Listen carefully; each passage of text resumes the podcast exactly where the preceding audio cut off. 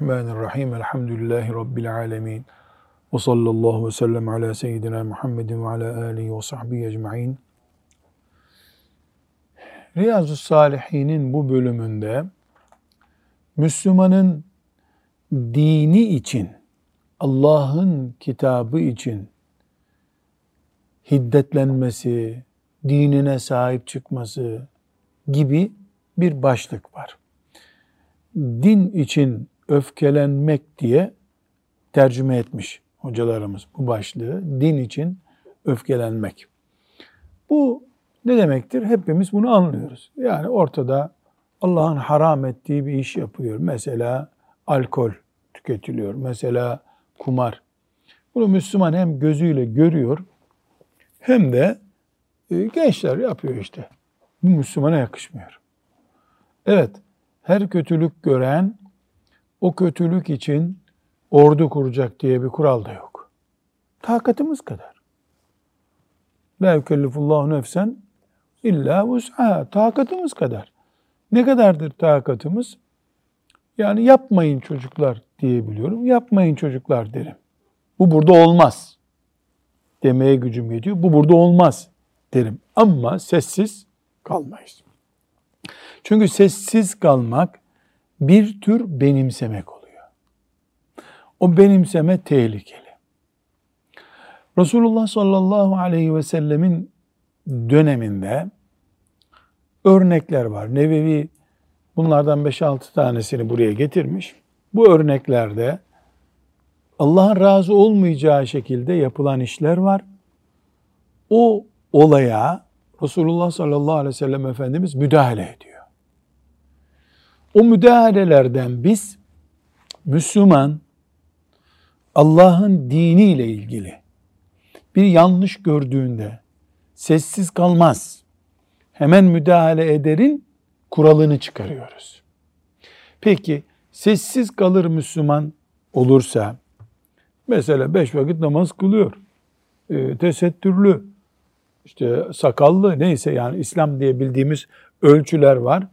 Ama kötülüğün, şerrin yayılmasına karşı bir tepkisi yok Müslümanın.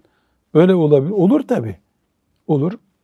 E nasıl, ne diyeceğiz o zaman bu Müslüman için? Hiçbir şey demeyeceğiz. Herkes yaptıkları kadar ecir bulacak Allah'tan, yapmadıklarının da hesabını verecek. Ailede, sokakta, yaşadığımız şehirde, devlette, her yerde Müslüman olarak bir varlığımız var bizim. Mesela 80 milyonluk ülkede 18 e, yaşını doldurmuş herkes bu ülkenin gidişatından sorumlu değil mi? Sorumlu. Çünkü oy kullanıyorsun. 1 bölü 80 milyon da olsa hakkın var. Nasıl hastaneye gittiğinde vatandaşım ben, hakkımı verin tedavi edin burada diyorsun, haklısın, doğru. E, bu gidişatlardan da her Müslüman sorumlu. Elbette bizi yönetenler hepimizden fazla sorumlu. Elbette Diyanet İşleri Başkanı herkesten fazla sorumlu. Dinin başında duruyorsun.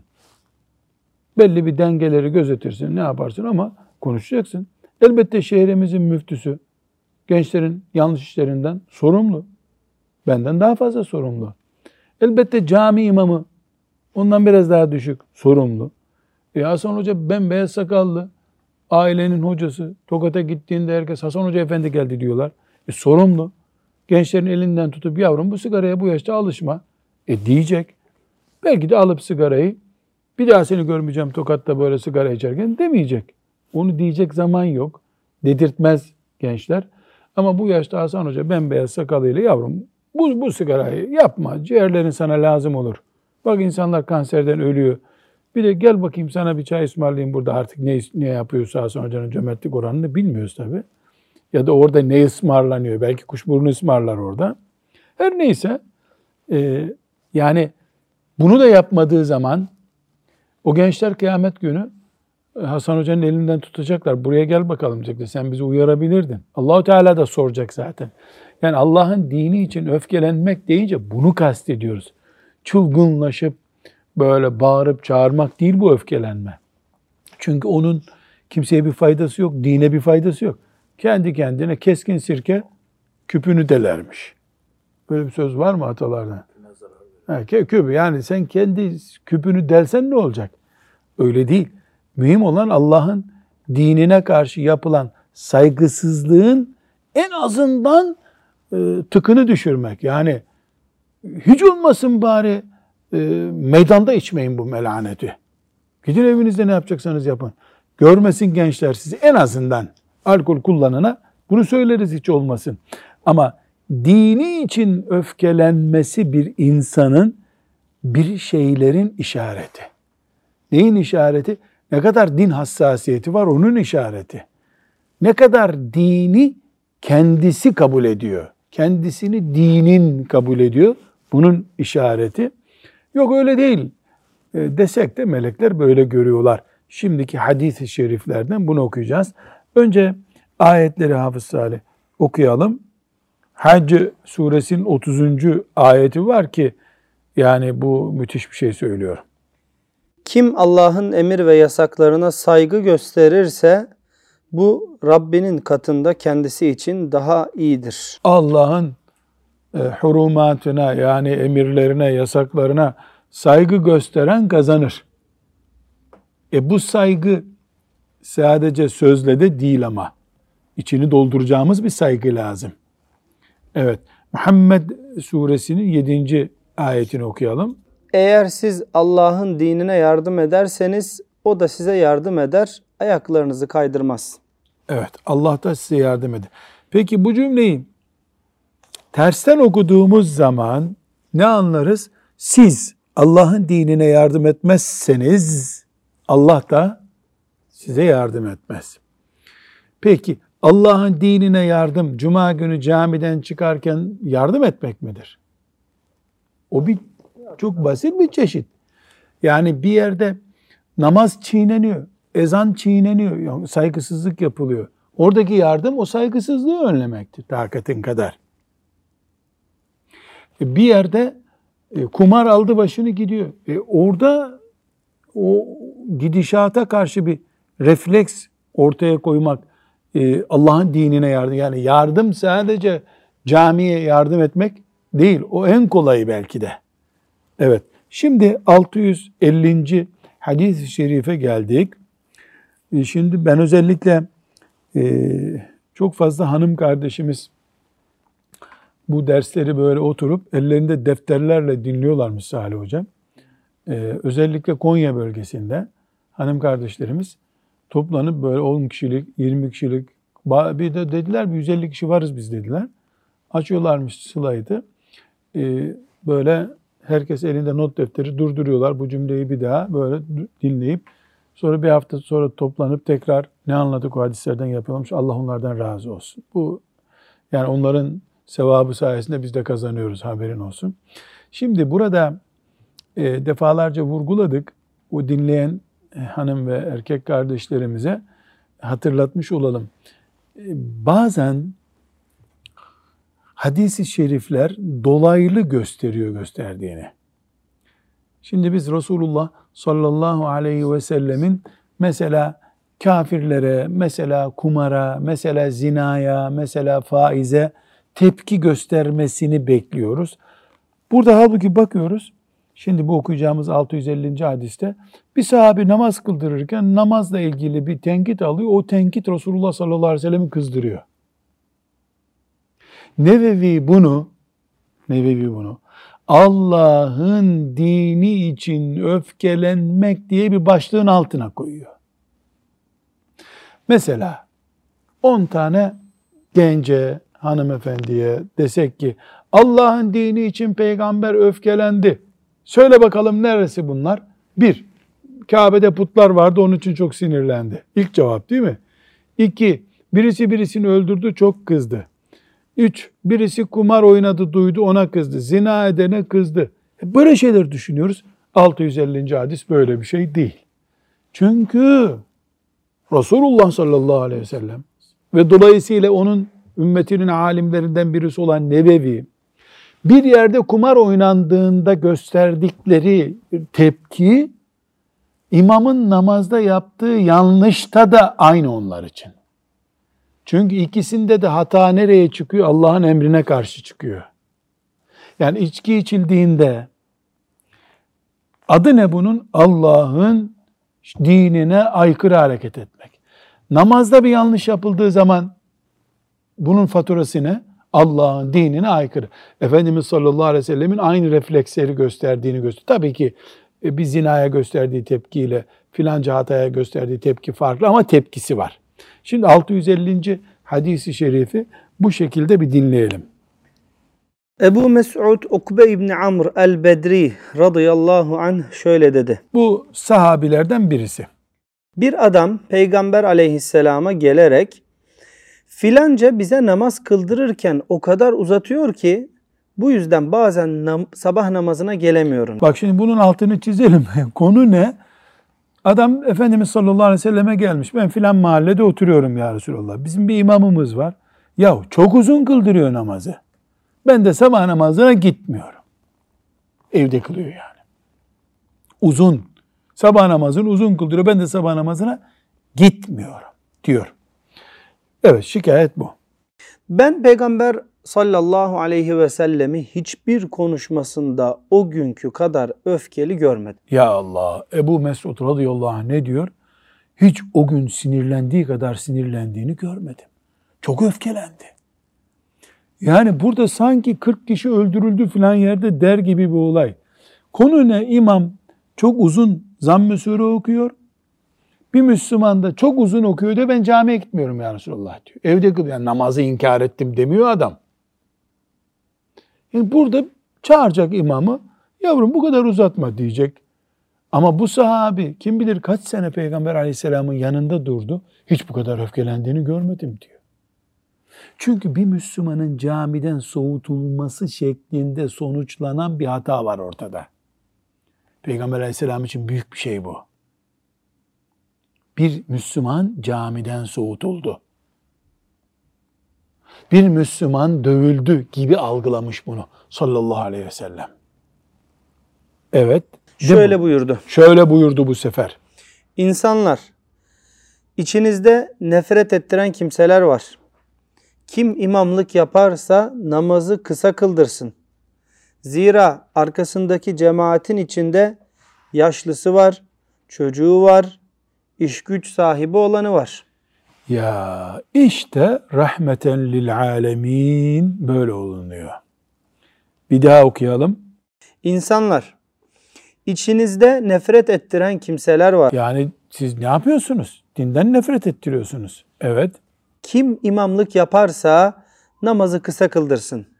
Zira arkasındaki cemaatin içinde yaşlısı var, çocuğu var, iş güç sahibi olanı var.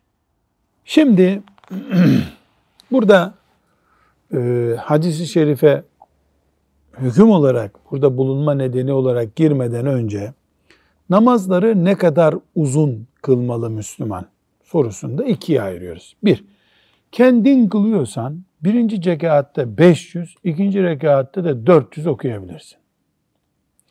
Her rükûde 500 defa Subhan Rabbiyel Azim, secdede de 1000 defa Subhan Rabbiyel Ala diyebilirsin. Hiç, kalkma istersen. Akşam bir zarar yok. Hele nafile namazsa. İmam isen namazda en uzun okunabilecek zamm-ı sure iki sayfadır. Sabah namazında o da. Sabah namazında en fazla iki sayfadır. İkinci rekatte de bir sayfa. Resulullah sallallahu aleyhi ve sellemin namazlarda ne kadar okuduğuna dair e, çok güzel bir doktora tezi sana gösterdim zannediyorum. Kadru e, Kıraat Resulullah sallallahu aleyhi ve sellem bir doktora tezi vardı güzel. Hangi namazda ne kadar okumuş o hadisleri toplamış kişi. Yani Efendimizin namazlarda ne kadar okuduğuna dair kıraatleri belli. Zamm-ı sureleri. Secdeler belli. İmam olan kişi en fazla iki sayfa okuyabilir birinci rekatta. İkinci rekatta da bir sayfa okur. Rükû ve e, secdede ise üç defa Sübhan Rabbiyel Azim ve Sübhan Rabbiyel Ala der. Tek kılan serbest. Neden? Çünkü hadis ne bu? İnne fihi muddaife vel marida ve zel haceti. İşi gücü olan var. Hasta var. Yaşlı var. Demek ki camilerde namaz kıldırırken hafızsın, keyfin geldi, böyle duygulandın, oku okuyabildiğin kadar yok. Zira bu Müslümanı namazdan soğutabilir, cemaate gitmekten alıkoyabilir. Bu vebal sana yeter o zaman. Efendimiz sallallahu aleyhi ve sellem ne buyuruyor bu Mesud? Bu kadar öfkeli görmedim ben diyor. Sanki bir insan öldürülmüş gibi öfkelenmiş orada buyuruyor. Burada şu sorunun da cevabını bulalım. Peki, madem uzun okumayın dedi sallallahu aleyhi ve sellem İstanbul'da koca bir camide yatsı namazını Kevser suresiyle kıldırmak caiz mi? O da yok. Öyle de oynamak yok namazda. Çünkü bir sahife namazda okunduğunda ortalama 4 dakika belki 5 dakika sürer değil mi yaklaşık olarak? Namaz okuyor. Biz de namazı aşırı okur gibi okuyor Biraz imamlar. okunuyor hocam evet. İmamların o okuyuşu da yani çok hele kısa okuyacaksa imam ve fazla hafız değilse bakıyorsun böyle Yavaş okuyor. ikindi namazında aşırı okur gibi okuyor. O da yanlış ama.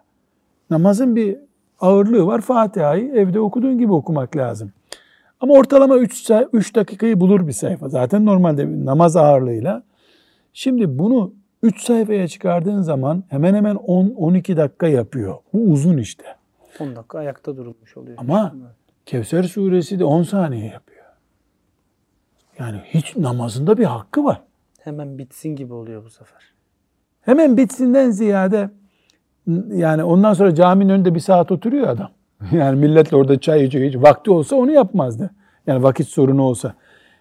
Yani yormayayım millet. Öyle de değil. O zaman yarın sen namazı da üç rekata düşürürsün. Böyle böyle bir hakkımız yok. Ama mesela yatsı namazının hakkı hemen hemen yarım sayfadır. Birinci rekat. ikinci rekatta daha az tabi. İmam böyle bir hak tecavüzüne karşı dikkatli olması gerekiyor. Ortada bir dinden soğutma riski diye bir risk var çünkü. Maazallah. Peki Nebevi bunu buraya neden koydu? Dinin hassasiyetlerine karşı Peygamber sallallahu aleyhi ve sellem öfkelendi. Dolayısıyla bir Müslüman olarak camideki bir olumsuzluğa karşı öfkeleneceksin. Vurup dağıtmadan düzeltmeye çalışacaksın. Evdeki bir olumsuzluğa, düğündeki bir olumsuzluğa, trafikteki bir olumsuzluğa. Trafik de hayatın içinde bir şey. Dolayısıyla trafikte yanlış park eden çocuğunu çağırıp oğlum bu araba buraya park edilmez. Git beş sokak öteye bırak ama böyle yanlış yere park etme demek lazım. Evet. Bir sonraki hadisi şerife geçelim.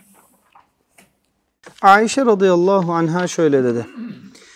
Evimin sofasını üzerinde resimler bulunan bir perde ile ayırdığım gün Resulullah sallallahu aleyhi ve sellem bir seferden dönmüştü. Resimli örtüyü görünce yüzü renkten renge girdi ve onu çekip kopardı. Sonra da bana şunları söyledi. Ayşe, kıyamette insanların en şiddetli azap görenleri yaptıklarını Allah'ın yarattığına benzetenlerdir. Resim yapanlar yani. Hadis-i şerif ne? Ayşe anamız ne diyor? Evin sofasını bir perdeyle ayırdım. Sofa neye deniyor?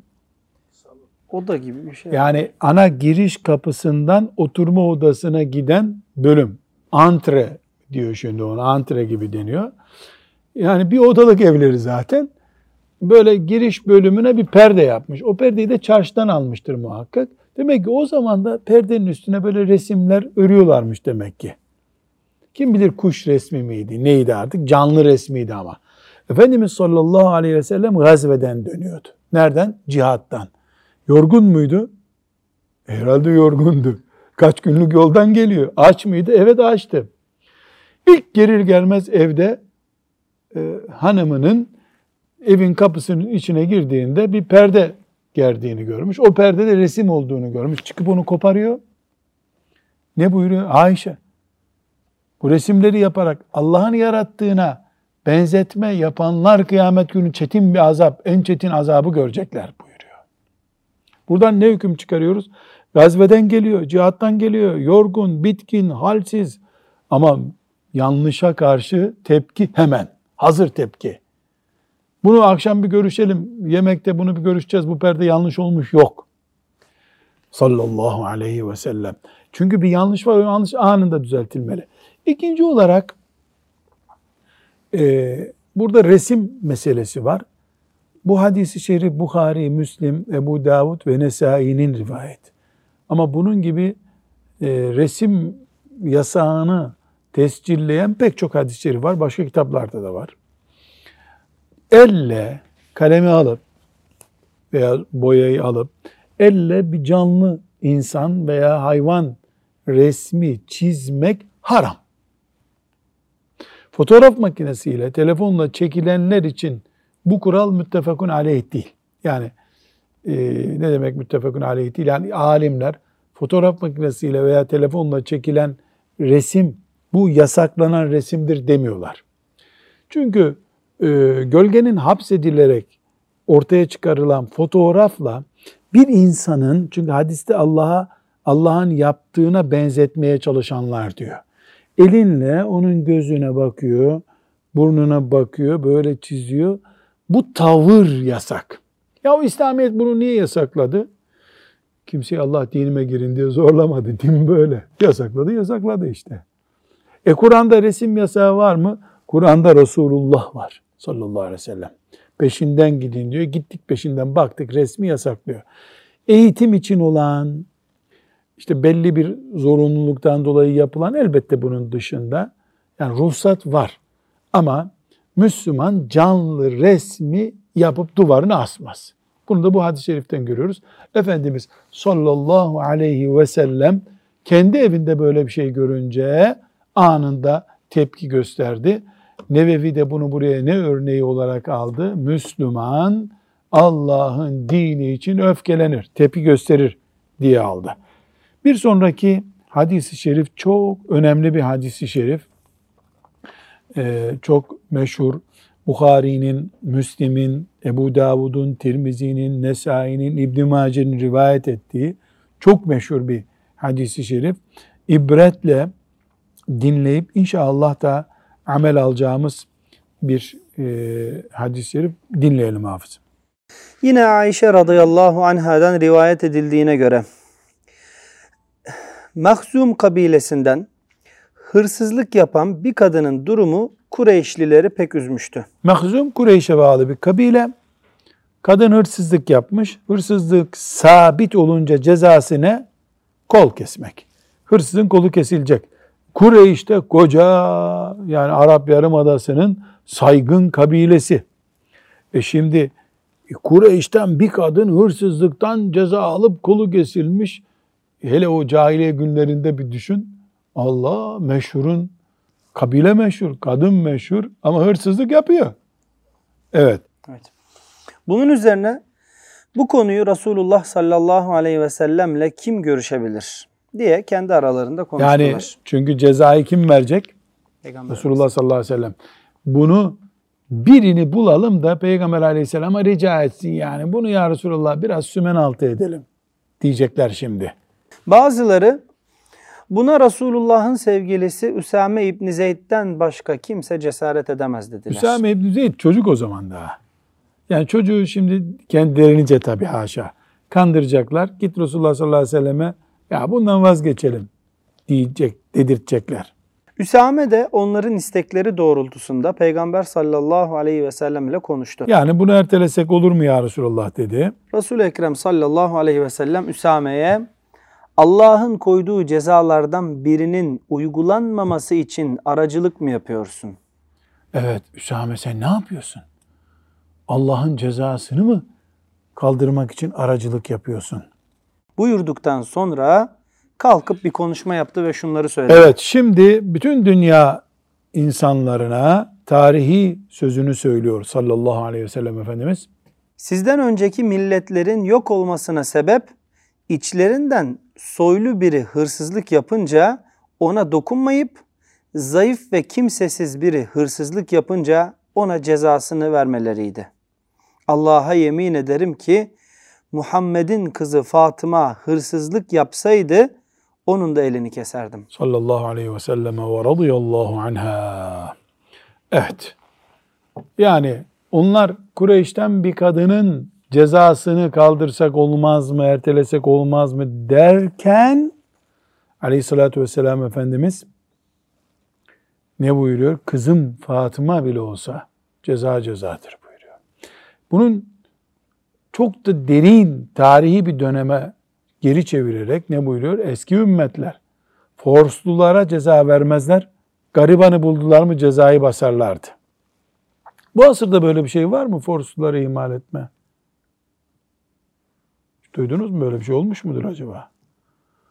Onun çağında yaşıyoruz. Adem aleyhisselamdan beri o çağda yaşanıyor hep. Forsluya dokunulmaz. Onunki hep kaza ile olur. Gariban yaptı mı tam vatan haini o. Gariban bir yanlış yapmaya görsün. Lut aleyhisselam zamanında da böyleydi. Avrupa derebeylikleri yıllarında da böyleydi. Her zaman böyledir. İlla men asamahullah tabi yani Allah'ın korudukları hariç. Ama Resulullah sallallahu aleyhi ve sellem bütün çağların geleneklerini ayaklarının altına almış bir peygamberdir. Kızım Fatıma bile olsa cezasını veririm. Eski ümmetlerin düştüğü bu bataklığa bu ümmet düşmemeli diye ikazını yaptı. Burada önemli ayrıntılar var. Birincisi Üsame radıyallahu anh Efendimizin azatlı kölesi Zeyd'in oğlu. Şu 17 yaşında kumandan olan sahabi. Efendimiz onu çok seviyor ve Hafız Salih Zehebi'den bu dersi hazırlarken Üsame'yi tanıtan cümlelerine baktım. Zenci, burnu eğri, işte diyorlar ya tipsiz. Cennet güzeli bir tipsiz imiş. Böyle yakışıklı, sempatik bir çocuk da değil. Ama babasına vefasından dolayı Efendimiz sallallahu aleyhi ve sellem. Çünkü Zeyd biliyorsun e, gel seni babanın evine götürelim dendiğinde benim babam Muhammed'dir deyip Efendimiz'e vefa göstermişti. O vefanın karşılığı Efendimiz onun çocuğuna bile, bırak onu, onun çocuğuna bile vefa gösteriyor. Çünkü cariye döneminde Zeyd sen köle değilsin, seni babanın evine geri gönderelim diye akrabaları geri götürüyorlar.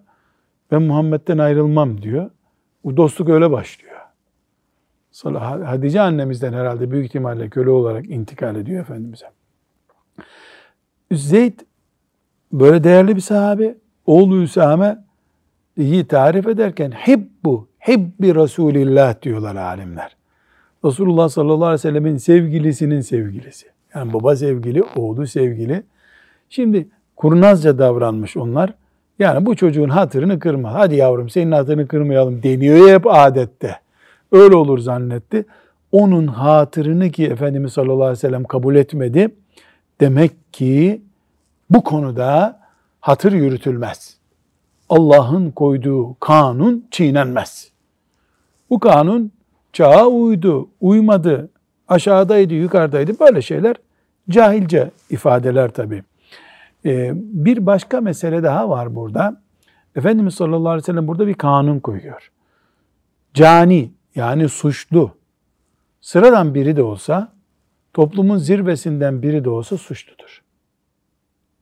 Suç toplumdaki kimliğe göre asla şekil almıyor demek ki. Suç suçtur. Yani aristokratik yapısı yok İslam toplumunun. Herkes aynı. Kanun önünde, şeriat önünde herkes aynı. Burada Efendimiz sallallahu aleyhi ve sellemin e, Üsame'ye söylediği söz Türkçeden okunduğu için tam anlaşılmadı. Efendimiz sallallahu aleyhi ve sellem Üsame'ye çok ağır konuşuyor. Teşfe'u fi haddin min hududillah diye sert çıkışı var Üsame'ye. Bu da e, çok güzel bir şekilde anlatılıyor ki Efendimiz sallallahu aleyhi ve sellem yani yanlışı Allah'ın kanunundan taviz vermeye yönelik olan birisinin sözüne asla müsaadesi yok. Yani bu tepkiden de ciddi bir şekilde ne anlaşılıyor? Yani yanlışa taviz arayana da büyük bir tepki gösteriliyor. Tıpkı yanlış gibi. Ve bir son husus da biz eski ümmetler neden yıkıldı gittiler? Bunu incelemek zorundayız. Çünkü şeytan benzer taktikler, taktiklerle kıyamete kadar insanlığı yıkmaya çalışıyor. Mesela e, siyasetçiye, e, zengine, iş adamına dokunmamak lazım ifadesi Demek ki çok eski. Nuh Aleyhisselam'ın kavminde de var. Musa Aleyhisselam'ın kavminde de var demek ki. E biz ise onların üstüne gelmiş bir ümmet olarak onlardan muhakkak ibret almalıyız. Düşüncesi bu hadisi şeriften çıkıyor. İnşallah Teala da istifade ederiz. Bir sonraki hadis-i şerife geçelim. Enes radıyallahu anh'ten rivayet edildiğine göre Peygamber sallallahu aleyhi ve sellem mescidin kıble duvarında bir tükürük gördü. Tükürük, bildiğimiz tükürük. Hangi mescidin?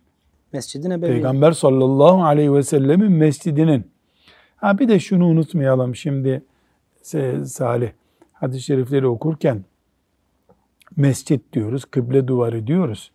Şimdi hemen bizi dinleyen bir mümin kardeşimiz Konya'da ise mesela Kapı Camii aklına gelecek. Kapı Camii'nde secde ettiğimiz halının önündeki kıble duvarı orası. Mihrabın kenarı yani. Öyle değil. Efendimiz sallallahu aleyhi ve sellemin mescit dediğimiz şeyi 30-40 tane hurma kütüğüyle çevrilmiş bir bahçe. O hurmaların yaprağı diyelim, lifleriyle de tavanı yapılmış güneş çarpmasın insanları diye. Ve yer çamur. Çamur. Sonra ileriki yıllarda ashab-ı kiram rica edip çakıl toplayıp getirelim ya Resulallah. Çok çamur oluyoruz namaz kılarken.